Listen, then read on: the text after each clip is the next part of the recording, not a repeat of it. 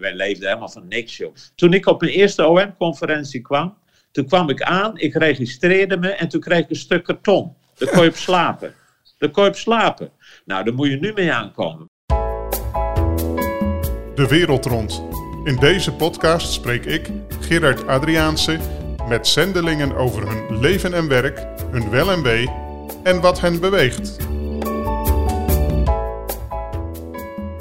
Vandaag in de wereld rond spreken we met Joop Strietman, de oprichter van zendingsorganisatie Operatie Mobilisatie in Nederland.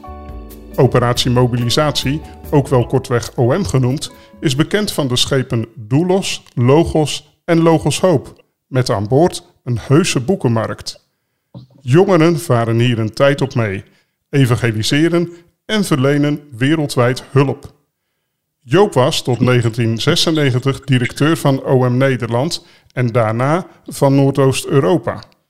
Tegenwoordig is Joop, alhoewel inmiddels gepensioneerd, nog altijd actief voor de zending. Door middel van zijn betrokkenheid bij de International Training Alliance en de Kairos-cursus.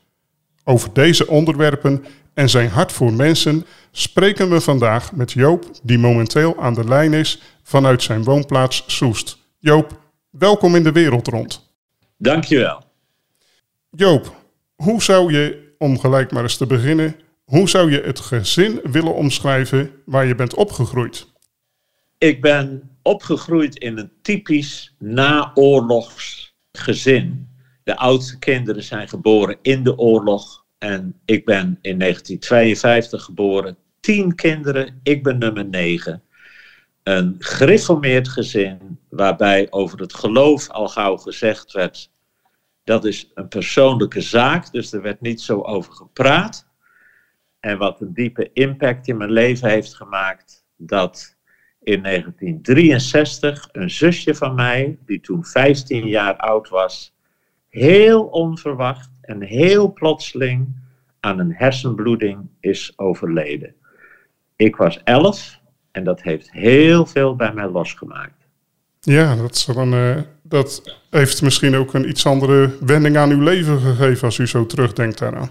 Ja, dat heeft mij doen beseffen als je niet het geloof in het evangelie deelt, dan ben je eigenlijk verschrikkelijk zielig, want waar leef je dan voor? Dan is er dit leven en wat gebeurt er dan na dit leven? En ik besefte als elfjarige, het enige wat ik zeker weet van de toekomst, ik ga een keertje dood. En ja, wat er dan gebeurt en het belang van het evangelie, dat begon toen echt voor mij heel erg te leven. Als elfjarige, ja, dan, toen was u nog heel jong natuurlijk. Maar als kind daarnaast, dat was natuurlijk een heel ingrijpende gebeurtenis. Maar waar ging uw belangstelling als kind zo naar uit?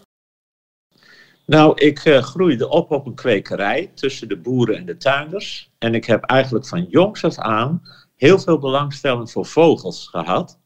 En het is wel interessant dat nu in deze, eigenlijk sinds dat drie jaar geleden mijn vrouw is overleden, een hobby die ik weer heel erg ben gaan ontwikkelen, is die van vogels kijken en vogels fotograferen. Maar dat is eigenlijk geboren in mijn kindertijd.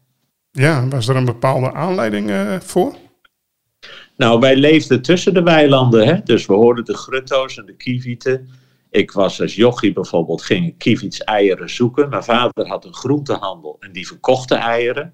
Ik weet dat ik op een gegeven ogenblik had ik uh, de eerste eieren in de wijde omgeving gevonden. En mijn vader verkocht ze voor een riksdaalder per stuk. Dat was toen hm. voor een kleine jongen een hoop geld. Ja. Iets heel anders. Hoe raakte je bekend met het begrip zending, Joop? Um, ja, ik moet eerlijk zeggen dat ik in mijn studententijd heb ik een moment gehad dat ik echt bewust mijn hele leven in Gods hand legde. En toen ik dat deed, toen wist ik dat ik mijn leven met alles wat er op en aan zat, aan God toevertrouwde. Dat betekende voor mij, dat wist ik diep in mijn hart, heel goed. Ook mijn toekomst. Ook de vraag: wat ga ik in mijn leven doen? Dat was niet meer aan mij, maar dat was aan hem. En verder heb ik mijn betrokkenheid bij zendingswerk en mijn begrip van zendingswerk, mijn kennis van zendingswerk, dat is echt gegroeid nadat ik bij OM ben gaan werken. Eerst voor een maand in de zomer, mhm. daarna voor een jaar. En dat is later mijn levenswerk geworden. Ja. Hoe leerde je je vrouw Annie kennen? Nou, die Annie, die lieve schat, die was al in OM voordat ik kwam. Die zat al twee jaar in België toen ik kwam. Dus toen ik me aanmeldde bij OM, heb ik een brief gekregen van Annie. Hm. Zij was secretaresse in het kantoor. dus toen ik in OM kwam, toen hebben we samen een jaar in hetzelfde team gezeten. Voordat we verliefd raakten op elkaar en een relatie begonnen. Toen is zij een jaar naar de Logos gegaan. Ik ben in België gebleven. En daarna zijn wij weer in hetzelfde team gekomen. OM had een schip, de Logos. En toen was de idee, er gaat een tweede schip komen. Daar baden we voor, daar waren we mee bezig. En dat zal wel gauw gebeuren, dachten we toen. En die groep die was klaar om aan boord te gaan. En daar zat ik toen bij. En toen zijn op 7 eh, maart 1977, smiddags om twee uur, hebben we verkering gekregen. Je weet het nog heel precies. Ja, ja, ja. Wij, wij vierden dat altijd nog na die tijd. ja. Waar komt je hart voor wereldzending vandaan?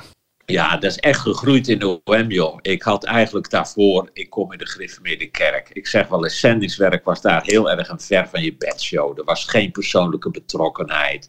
Als er gecollecteerd werd, dan werd er gecollecteerd voor de zending. Nou ja, dat zei helemaal niks. Ik kende geen mensen die dat werk deden. Dus het was voor mij heel erg een ver van mijn bedshow. En ehm, toen ik in OM kwam, ja, toen is dat, is dat gewoon gaan leven, joh. Je, je hoort dingen die wist je helemaal niet. Je ziet dingen die wist je niet. En je gaat allemaal mensen leren kennen die met al hun verhalen. En, en dan, ja, dan groeit ook het besef gigantisch dat wat, wat de wereld nodig heeft, dat is het goede nieuws van Jezus Christus. En dat is echt geboren en ontwikkeld ja, nadat ik in OM werkte. Ja, Joop, operatie mobilisatie is ontstaan op een gegeven moment. Maar waar kwam het idee vandaan om te gaan varen als organisatie? Nou, het OM-werk is begonnen heel in het begin van de jaren 60. 1964 is het eerste team begonnen in India. En daar groeide het werk snel. Indiërs raakten bij het werk betrokken. En dan gingen we met vrachtwagens vanuit België over land, door Oost-Europa, door Turkije, door Iran, door Afghanistan naar India toe. Met mensen die daar gingen werken. En die kwamen dan in die wagens ook weer terug. En dat was zo'n enorme onderneming. Dat op een gegeven ogenblik, in die tijd, in begin jaren 60, toen werd het idee geboren van, joh, wat zou het fantastisch zijn als we een schip hadden. Dan konden we met een schip tussen Europa en India heen en weer varen. En ondertussen zoveel andere dingen doen. Zo is het begonnen. Het is later iets totaal anders geworden, maar zo is het idee geboren. Bijzonder.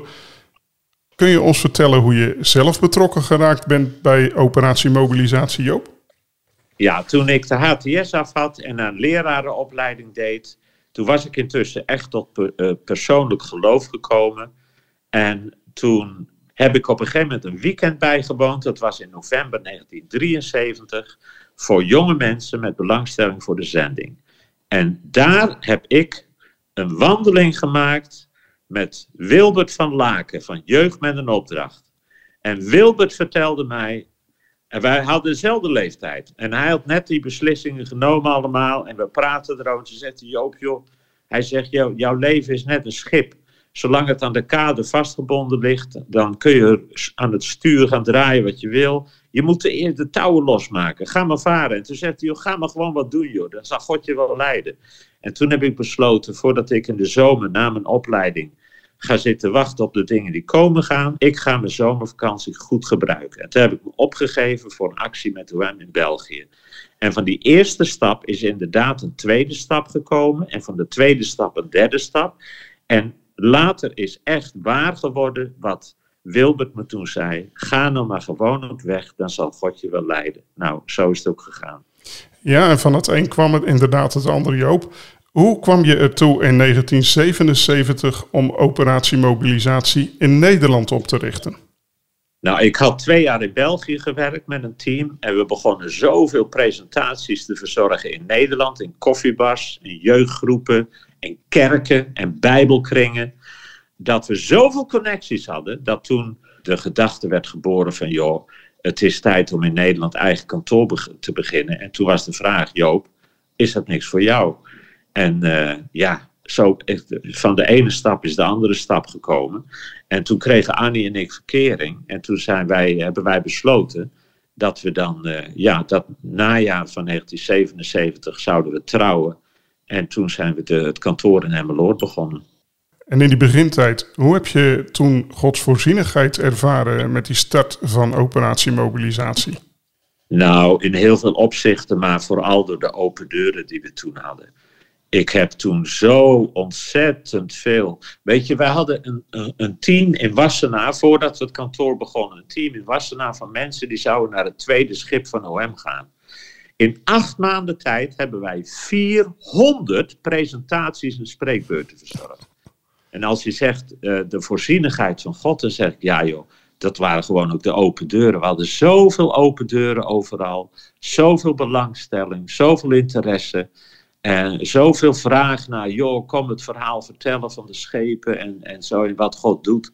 Dat, dat was echt heel bijzonder. Ja, was natuurlijk ook een bijzondere tijd. Uh, in de jaren 60 en 70 van de vorige eeuw heeft de evangelische beweging in Nederland een enorme ontwikkeling doorgemaakt. Hè. Organisaties als Operatie Mobilisatie zelf, Open Doors, Jeugd met een Opdracht en anderen zagen het levenslicht naast veel evangelische gemeentes. Wat lag daaraan volgens jou ten grondslag en hoe zou je die tijd voor ons willen beschrijven? Ja, je hebt helemaal gelijk. Het is een tijd waar heel veel gebeurde. Ik denk dat uh, één ding, uh, dat is natuurlijk intussen 40, 50 jaar geleden. De kerk in Nederland was natuurlijk veel groter nog. Hè. Er waren veel meer mensen die op zondag naar een kerk gingen. Ik ben, mijn, mijn contact met OM is ook ontstaan in de Griffemeerde kerk. Waar in de kerk een aantal avonden werd verzorgd. Waar dit soort van organisaties werden uitgenodigd. Als je nu kijkt, dan is de kerk in Nederland echt een randverschijnsel geworden. Maar toen was dat niet zo. Dus dat is één. In de tweede plaats was het ook een tijd van revolutie, zeg maar. De seksuele revolutie, de hippie-tijd. Mensen deden van alles en nog wat. En uh, radicaal. Hippies gingen helemaal via Afghanistan naar India voor de, voor om, om kennis te maken met de Oosterse mystiek en de drugswereld. En die reisden, die reisden de wereld over. Dus het is in die tijd helemaal niet zo raar dat jonge mensen die radicaal tot geloof kwamen. Je had toen ook de Jezusbeweging in Amerika, waar in die hippiewereld heel veel jongeren radicaal tot geloof kwamen en volgelingen van Jezus werden, dat zij de wereld ingingen om het evangelie te verkondigen. En dat is eigenlijk de tijd dat OM ontstond, maar dat paste ook heel erg bij die tijd. Ook het feit dat wij leefden, wij, leefden helemaal van niks, joh, we sliepen. Toen ik op mijn eerste OM-conferentie kwam, toen kwam ik aan, ik registreerde me en toen kreeg ik een stuk karton. Daar kon je op slapen. Daar kon je op slapen. Nou, daar moet je nu mee aankomen. Maar in die tijd, dat past een beetje helemaal in die tijd, zeg maar. Ja, dat heb je mooi omschreven zo, Joop. Maar je begon die organisatie dus in Nederland. Hoe stond je vrouw Annie tegenover het feit dat je een zendingsorganisatie leidde? Ah, mijn, vrouw is een schat, joh. die vond het fantastisch. Mijn vrouw die had twee jaar daarvoor al een baan als kleuterjuf opgegeven. Die had een nieuwe auto, net een nieuw kevertje, had ze meegenomen naar de OM. En dat had ze ook weggegeven. Dat was intussen in, in Egypte verzeild geraakt. We hadden alle schepen achter ons verbrand. En wij gingen als idealisten het evangelie in de wereld verkondigen. Toen werden we verliefd op elkaar. Nou ja, dat was voor mijn vrouw, dat, dat wij waren twee handen op één buikje. Dat was gewoon geweldig. Dus mijn vrouw die vond dat fantastisch. Die zag dat helemaal zitten. Helemaal. Ja. Hoe zou u haar rol omschrijven in jullie jaren als leiders van OM? Ja, mijn vrouw was echt een enorme steun voor mij. Het was ook mijn gebedsmaatje. En het was ook, ja, wij konden dingen bepraten. Zij, zij kende OM natuurlijk nog twee jaar langer dan ik zelfs. Ze had ook een jaar op de Logos gevaren. Ze had uh, allerlei ervaring. Dus ik, wij konden heel goed allerlei dingen bepraten met elkaar. Dus haar advies, dat was ook voor mij ontzettend belangrijk. Dus uh, ja, zij was echt mijn, uh, mijn steun en toeverlaat. Op een gegeven moment, jaren later, startte je met je vrouw Annie de Kairos-cursus in Nederland.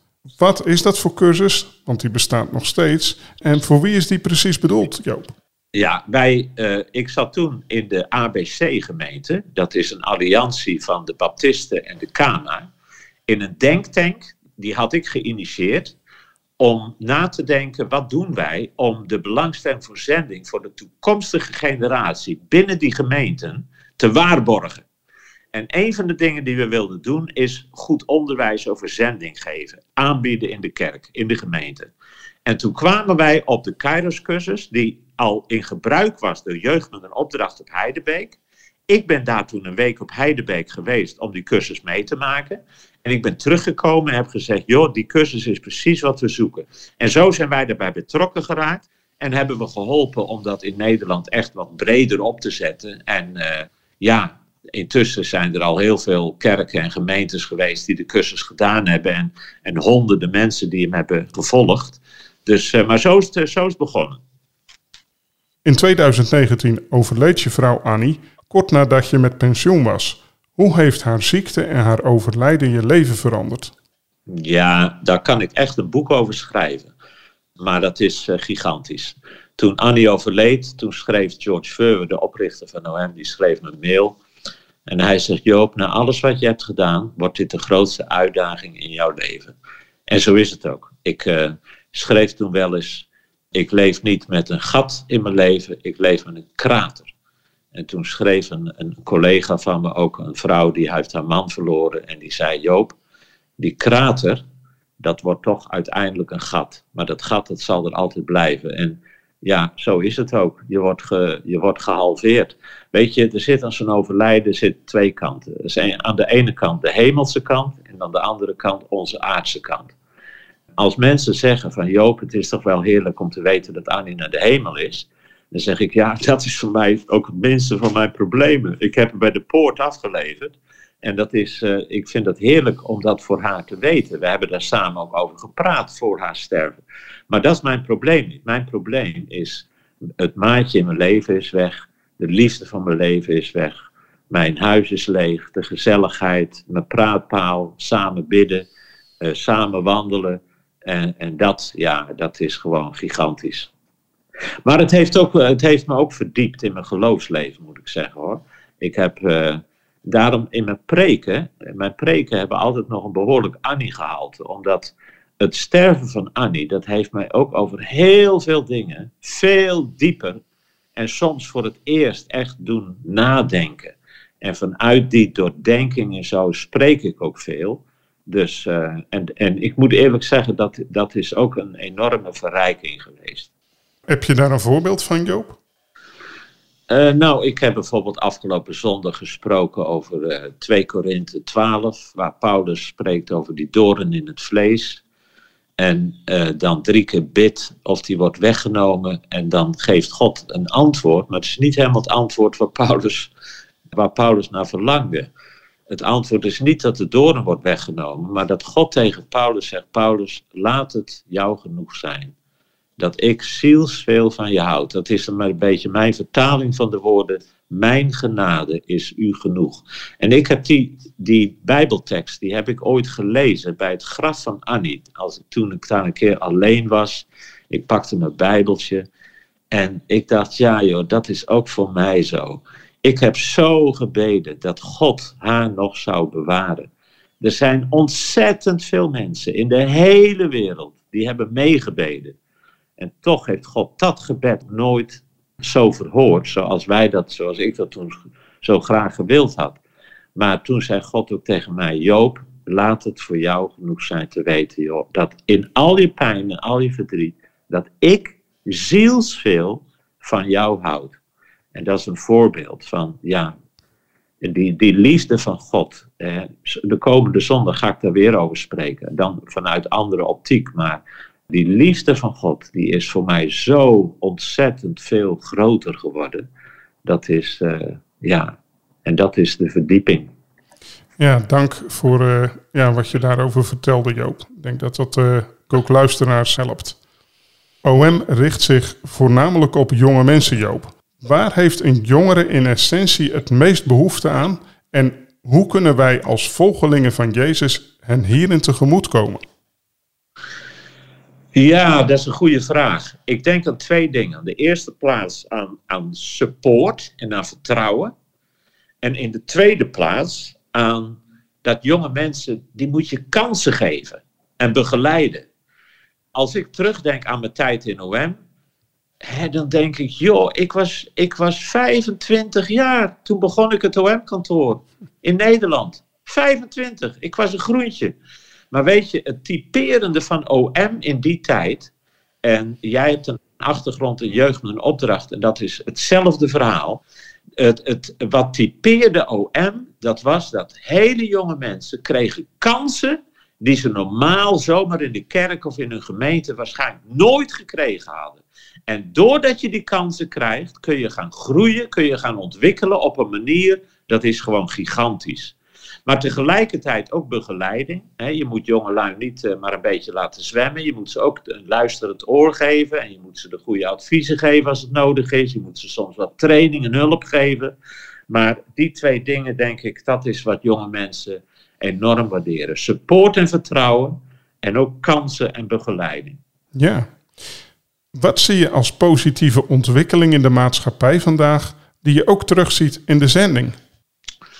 Uh, de vervolging van de kerk. Jezus zei het al, zalig de vervolgde. En ik denk soms dat wij in onze westerse wereld, wij zijn zo bang geworden voor moeilijkheden ter wille van de naam van Jezus. Dat is helemaal niet bijbels meer. Nee, dus je, ziet dat als, je ziet dat als een positieve ontwikkeling. En dat was mijn vraag.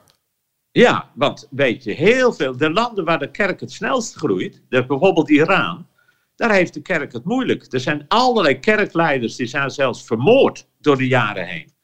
Maar de kerk van Iran is op dit moment waarschijnlijk de snelst groeiende kerk in de wereld. En dan zie je dat, ja, Khomeini met zijn introductie van de strenge islam, die heeft de mensen de, de moskeeën uitgejaagd en de kerk in. Annie had een hele goede vriendin, een arts in China. En die zei altijd tegen Annie, Annie, een beetje vervolging.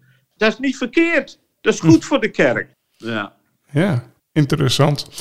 Als we het hebben over trends, wat is dan een trend die je waarneemt in de zending waar je nog veel van verwacht? Nou, in verband met vervolging denk ik aan de radicale islam.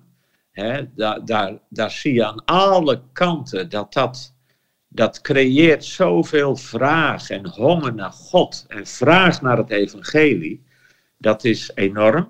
Een andere trend die ik zie is dat, weet je, zoals veel zendelingen nu leven, is vaak met een vriendenkring en support vanuit de kerk thuis.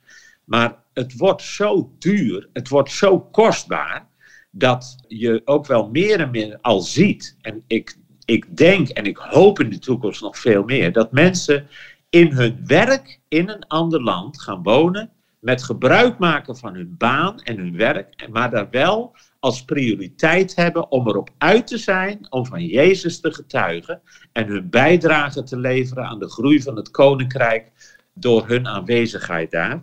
Maar dan zeg maar, we noemen dat in het Engels business and mission. dus dat je je bedrijf, je, je zaken doen, je beroep gebruikt als een, een, een, middel om ergens anders aan de slag te gaan en daar te getuigen. Een andere trend, en dat zie je al gigantisch, dat is de technologie. Wat de technologie aan deuren heeft geopend nu voor de verkondiging van het evangelie, dat is immens. en dan denk ik niet alleen maar meer aan radio en televisie, maar dan denk ik ook nu aan, je kan een sticky hebben en op het sticky, daar staan hele bibliotheken, daar staan hele bijbelverklaringen, boeken, Jezusfilms, noem maar op. En als je nu naar landen toe gaat, dan hoef je niet meer lectuur te smokkelen. Je neemt gewoon zo'n stickje mee en dat is heel makkelijk te kopiëren. En zo, zo verspreidt zich dat als een lopend vuurtje. Bijvoorbeeld in Iran onder de gelovigen. En de Jezusfilm is er ook een voorbeeld van. Je hebt nou een app, de Jezusfilm. En dan kun je op die app, dan kun je de Jezusfilm bekijken. In, ik weet niet hoeveel talen. Die, die film is intussen al meer dan duizend talen vertaald.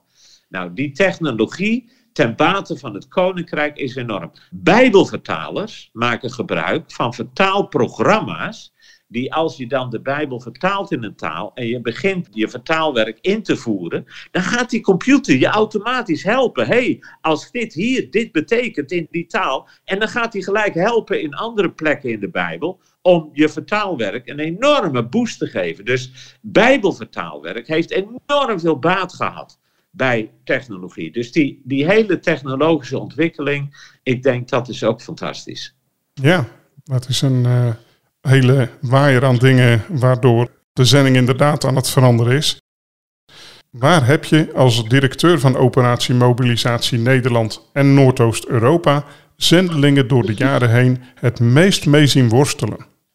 Ja, dat is een heel aantal dingen. En jij noemt nu mijn, mijn taken die ik in OM heb gehad. Maar daarna ben ik heel erg betrokken geraakt bij training van leiders in zendingswerk. En wij hebben in 15 jaar in 100 cursussen 3000 leiders in de zending van wel 200 verschillende organisaties voorbij zien komen. En wat ik dan zie, dat is eigenlijk niet één ding, maar dat is de combinatie van, en dan noem ik maar, gebrek aan geld. In de tweede plaats het interculturele karakter en alles wat daarbij komt kijken. Hè, dat mensen ja, het is soms zo moeilijk om elkaar goed te begrijpen en aan te voelen en geen pijn te doen met bepaalde dingen en manieren van doen en manieren van uiten. Uh, in de derde plaats gebrek aan personeel en in de vierde plaats gebrekkig leiderschap. Nou, als je al die dingen samen doet, dan, dan heb je een cocktail van redenen waarom het in de zending gewoon niet allemaal zo makkelijk is. Het is een uitdaging die veel groter is dan menig één zich bedenkt en, en zich kan voorstellen. Wat zijn volgens jou, Joop, bouwstenen die zorgen voor gezond leiderschap binnen een zendingsorganisatie? Ja, uh, wat ik vertelde is, ik heb daar dus bij uh, gewerkt. Hè. Wij noemen dat de training die wij deden, die noemden we de Leadership Matters Course. En de wortels daarvan zijn ontstaan binnen Wycliffe Bijbelvertalers waar hun toenmalige internationale directeur, die zag binnen hun organisatie de noden die er waren, de behoeften. En die leerde een professionele trainer uit Amerika kennen, maar een toegewijde christen. Dus aan de ene kant de noden en aan de andere kant de man die wist hoe je moet trainen. En die hebben dat samen ontwikkeld.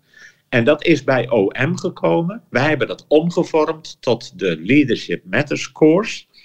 En als je mij nou vraagt, na alles wat ik heb gezien door de jaren heen, wat zijn nou de dingen die nodig zijn? Dan denk ik aan de, ja, dat zijn er heel veel. Het is altijd een combinatie van allerlei dingen. Maar ik denk selectie en mensen een kans geven, dat is heel belangrijk. dat, je, dat je de mensen kiest waar je een oogje op hebt, waar je potentieel in ziet. En die je dan ook kansen, om de begeleiding kansen gaat geven. Om te groeien en om zich te ontwikkelen. En dan in de tweede plaats heeft het een enorm pluspunt als een organisatie in staat is om binnen hun eigen organisatie mensen tot ontwikkeling te zien komen. Zodat je geen nieuwe leiders van buitenaf in hoeft te vliegen, die geen voeling, geen band, geen historie met de organisatie hebben, het heeft een enorm pluspunt als je mensen kan zien opgroeien vanuit je eigen gelederen. En dan dat je dat ook tijd geeft. Hè? Dat je niet mensen overhaast dingen laat doen. Staat ook in de Bijbel allemaal hoor. Dat je niet overhaast mensen moet aanstellen om oudste te worden, noem maar op. Je moet mensen de tijd geven om te groeien. En die tijd die leert ontzettend veel. En dan ook training. Mensen moeten gewoon getraind worden. Die, die moeten input krijgen. Die moeten training ontvangen. In die Leadership Matters course, wat mij enorm motiveerde, dat was dat je in de zending voortdurend tegenkomt. Je hebt een team, iemand geeft leiding, de leider die gaat weg. En dan komen ze bij jou en zeggen: Joh, jij zit hier nou twee jaar. Wat nou, zou jij niet volgend jaar het team kunnen gaan leiden? En dan gaan mensen dingen doen waar ze niet voor zijn voorbereid niet op zijn geprepareerd.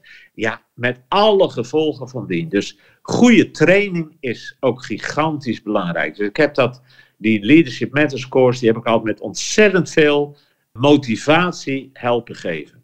Nou, dat is hele wijze raad.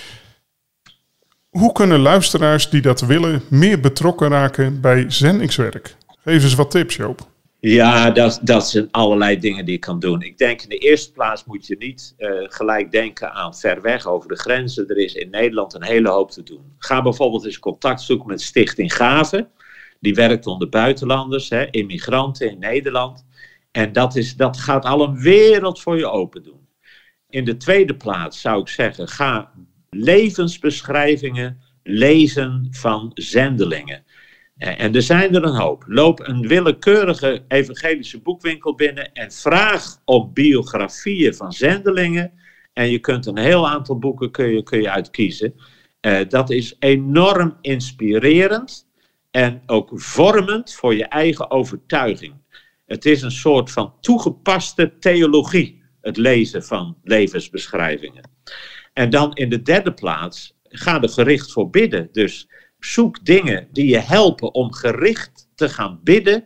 En dan met name ook voor die landen waar het evangelie nog niet zo bekend is. En ga je dan ergens mee verbinden. En er zijn ook allerlei websites die je kunnen helpen. Als ik denk bijvoorbeeld aan Operatie Mobilisatie, nou, die heeft een website, hè. Uh, daar kun je naartoe. Uh, Jeugd met een opdracht heeft een website. Transworld Radio heeft een website. En daar kan je ook heel veel informatie vinden. Dus ik denk, er is een wereld aan mogelijkheden. Maar ik zou zeggen, in de eerste plaats, denk niet gelijk aan ver weg te gaan. Begin ook gewoon thuis. Zoek eens contact met bijvoorbeeld Stichting Gaven of iets soortgelijks. We komen zo langzamerhand aan het eind van ons interview, Joop. Waar zou je graag gebed voor vragen aan ons?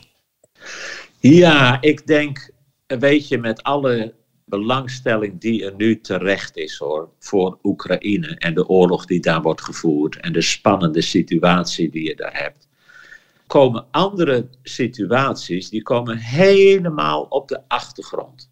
Terwijl de nood en de ellende daar echt niet minder is. En dan denk ik aan de oorlog in Jemen, maar ik denk ook aan Afghanistan. In Afghanistan wonen tientallen miljoenen mensen en het is een van de minst met het evangelie bereikte landen ter wereld. Maar voordat de Taliban daar de zaak in handen nam, toen was er al een enorme vlucht in het aantal Afghanen dat Jezus wilde volgen. Er is ook, als je nu bijvoorbeeld een website hebt van, je hebt van die, uh, hoe heet dat, de U-version, dan kun je de Bijbel lezen in allerlei talen. En dan kunnen ze nagaan hoeveel van die eh, apps worden gedownload en gebruikt in Afghaanse talen als Pashto en Dari. Dat heeft een enorme vlucht genomen. En ik denk dat wij, dat eh, heb ik erg op mijn hart, dat we met de nood in Oekraïne, waar terecht veel belangstelling voor is, dat we andere situaties niet moeten vergeten. Waaronder Afghanistan. Er is ook een enorme materiële en economische ellende in dat land. Mensen stevenen af op, op gewoon regelrecht honger. Vier van de vijf Afghanen hebben geen toegang tot gewoon schoon water, bijvoorbeeld. En uh, dat land, dat mogen we niet vergeten. We moeten blijven bidden dat God doorgaat met wat Hij is begonnen. En dat de kerk in Afghanistan gebouwd mag worden in deze generatie. Ik had ooit in de Leadership Matters cursus drie leiders van een huisgemeente in Kabul in de cursus. En wij spraken met hun. En toen hadden we het er ook over, is het niet gevaarlijk? En toen zei ze, ja natuurlijk is het ook voor ons gevaarlijk. Maar zeiden zij, als het nodig is dat de Afghaanse kerk zal worden gebouwd op het bloed van martelaren, nou, dan is dat maar zo. Dat was hun instelling. Mag God toch alsjeblieft de kerk in Afghanistan verder laten groeien en ontwikkelen. Juist ook in deze tijd. En daar moeten we voor bidden. Waar kunnen mensen meer informatie vinden over operatie mobilisatie in Nederland, Joop? Ja, dat is een uh, website. Die heet uh, heel eenvoudig één woord aan elkaar, operatiemobilisatie.nl. En als je wat informatie zou willen over die training, die Leadership Matters cursus waar ik van vertelde, want misschien zit je zelf wel in een situatie, als je hier naar luistert en zegt van joh, een goede training, daar zou ik zelf ook wel wat aan hebben. Dan moet je eens kijken naar dat is één woord, wetrainleaders.org. wetrainleaders.org en daar kun je alle informatie vinden. Dus dat zou ik uh, als aanbeveling tenslotte aan je willen meegeven.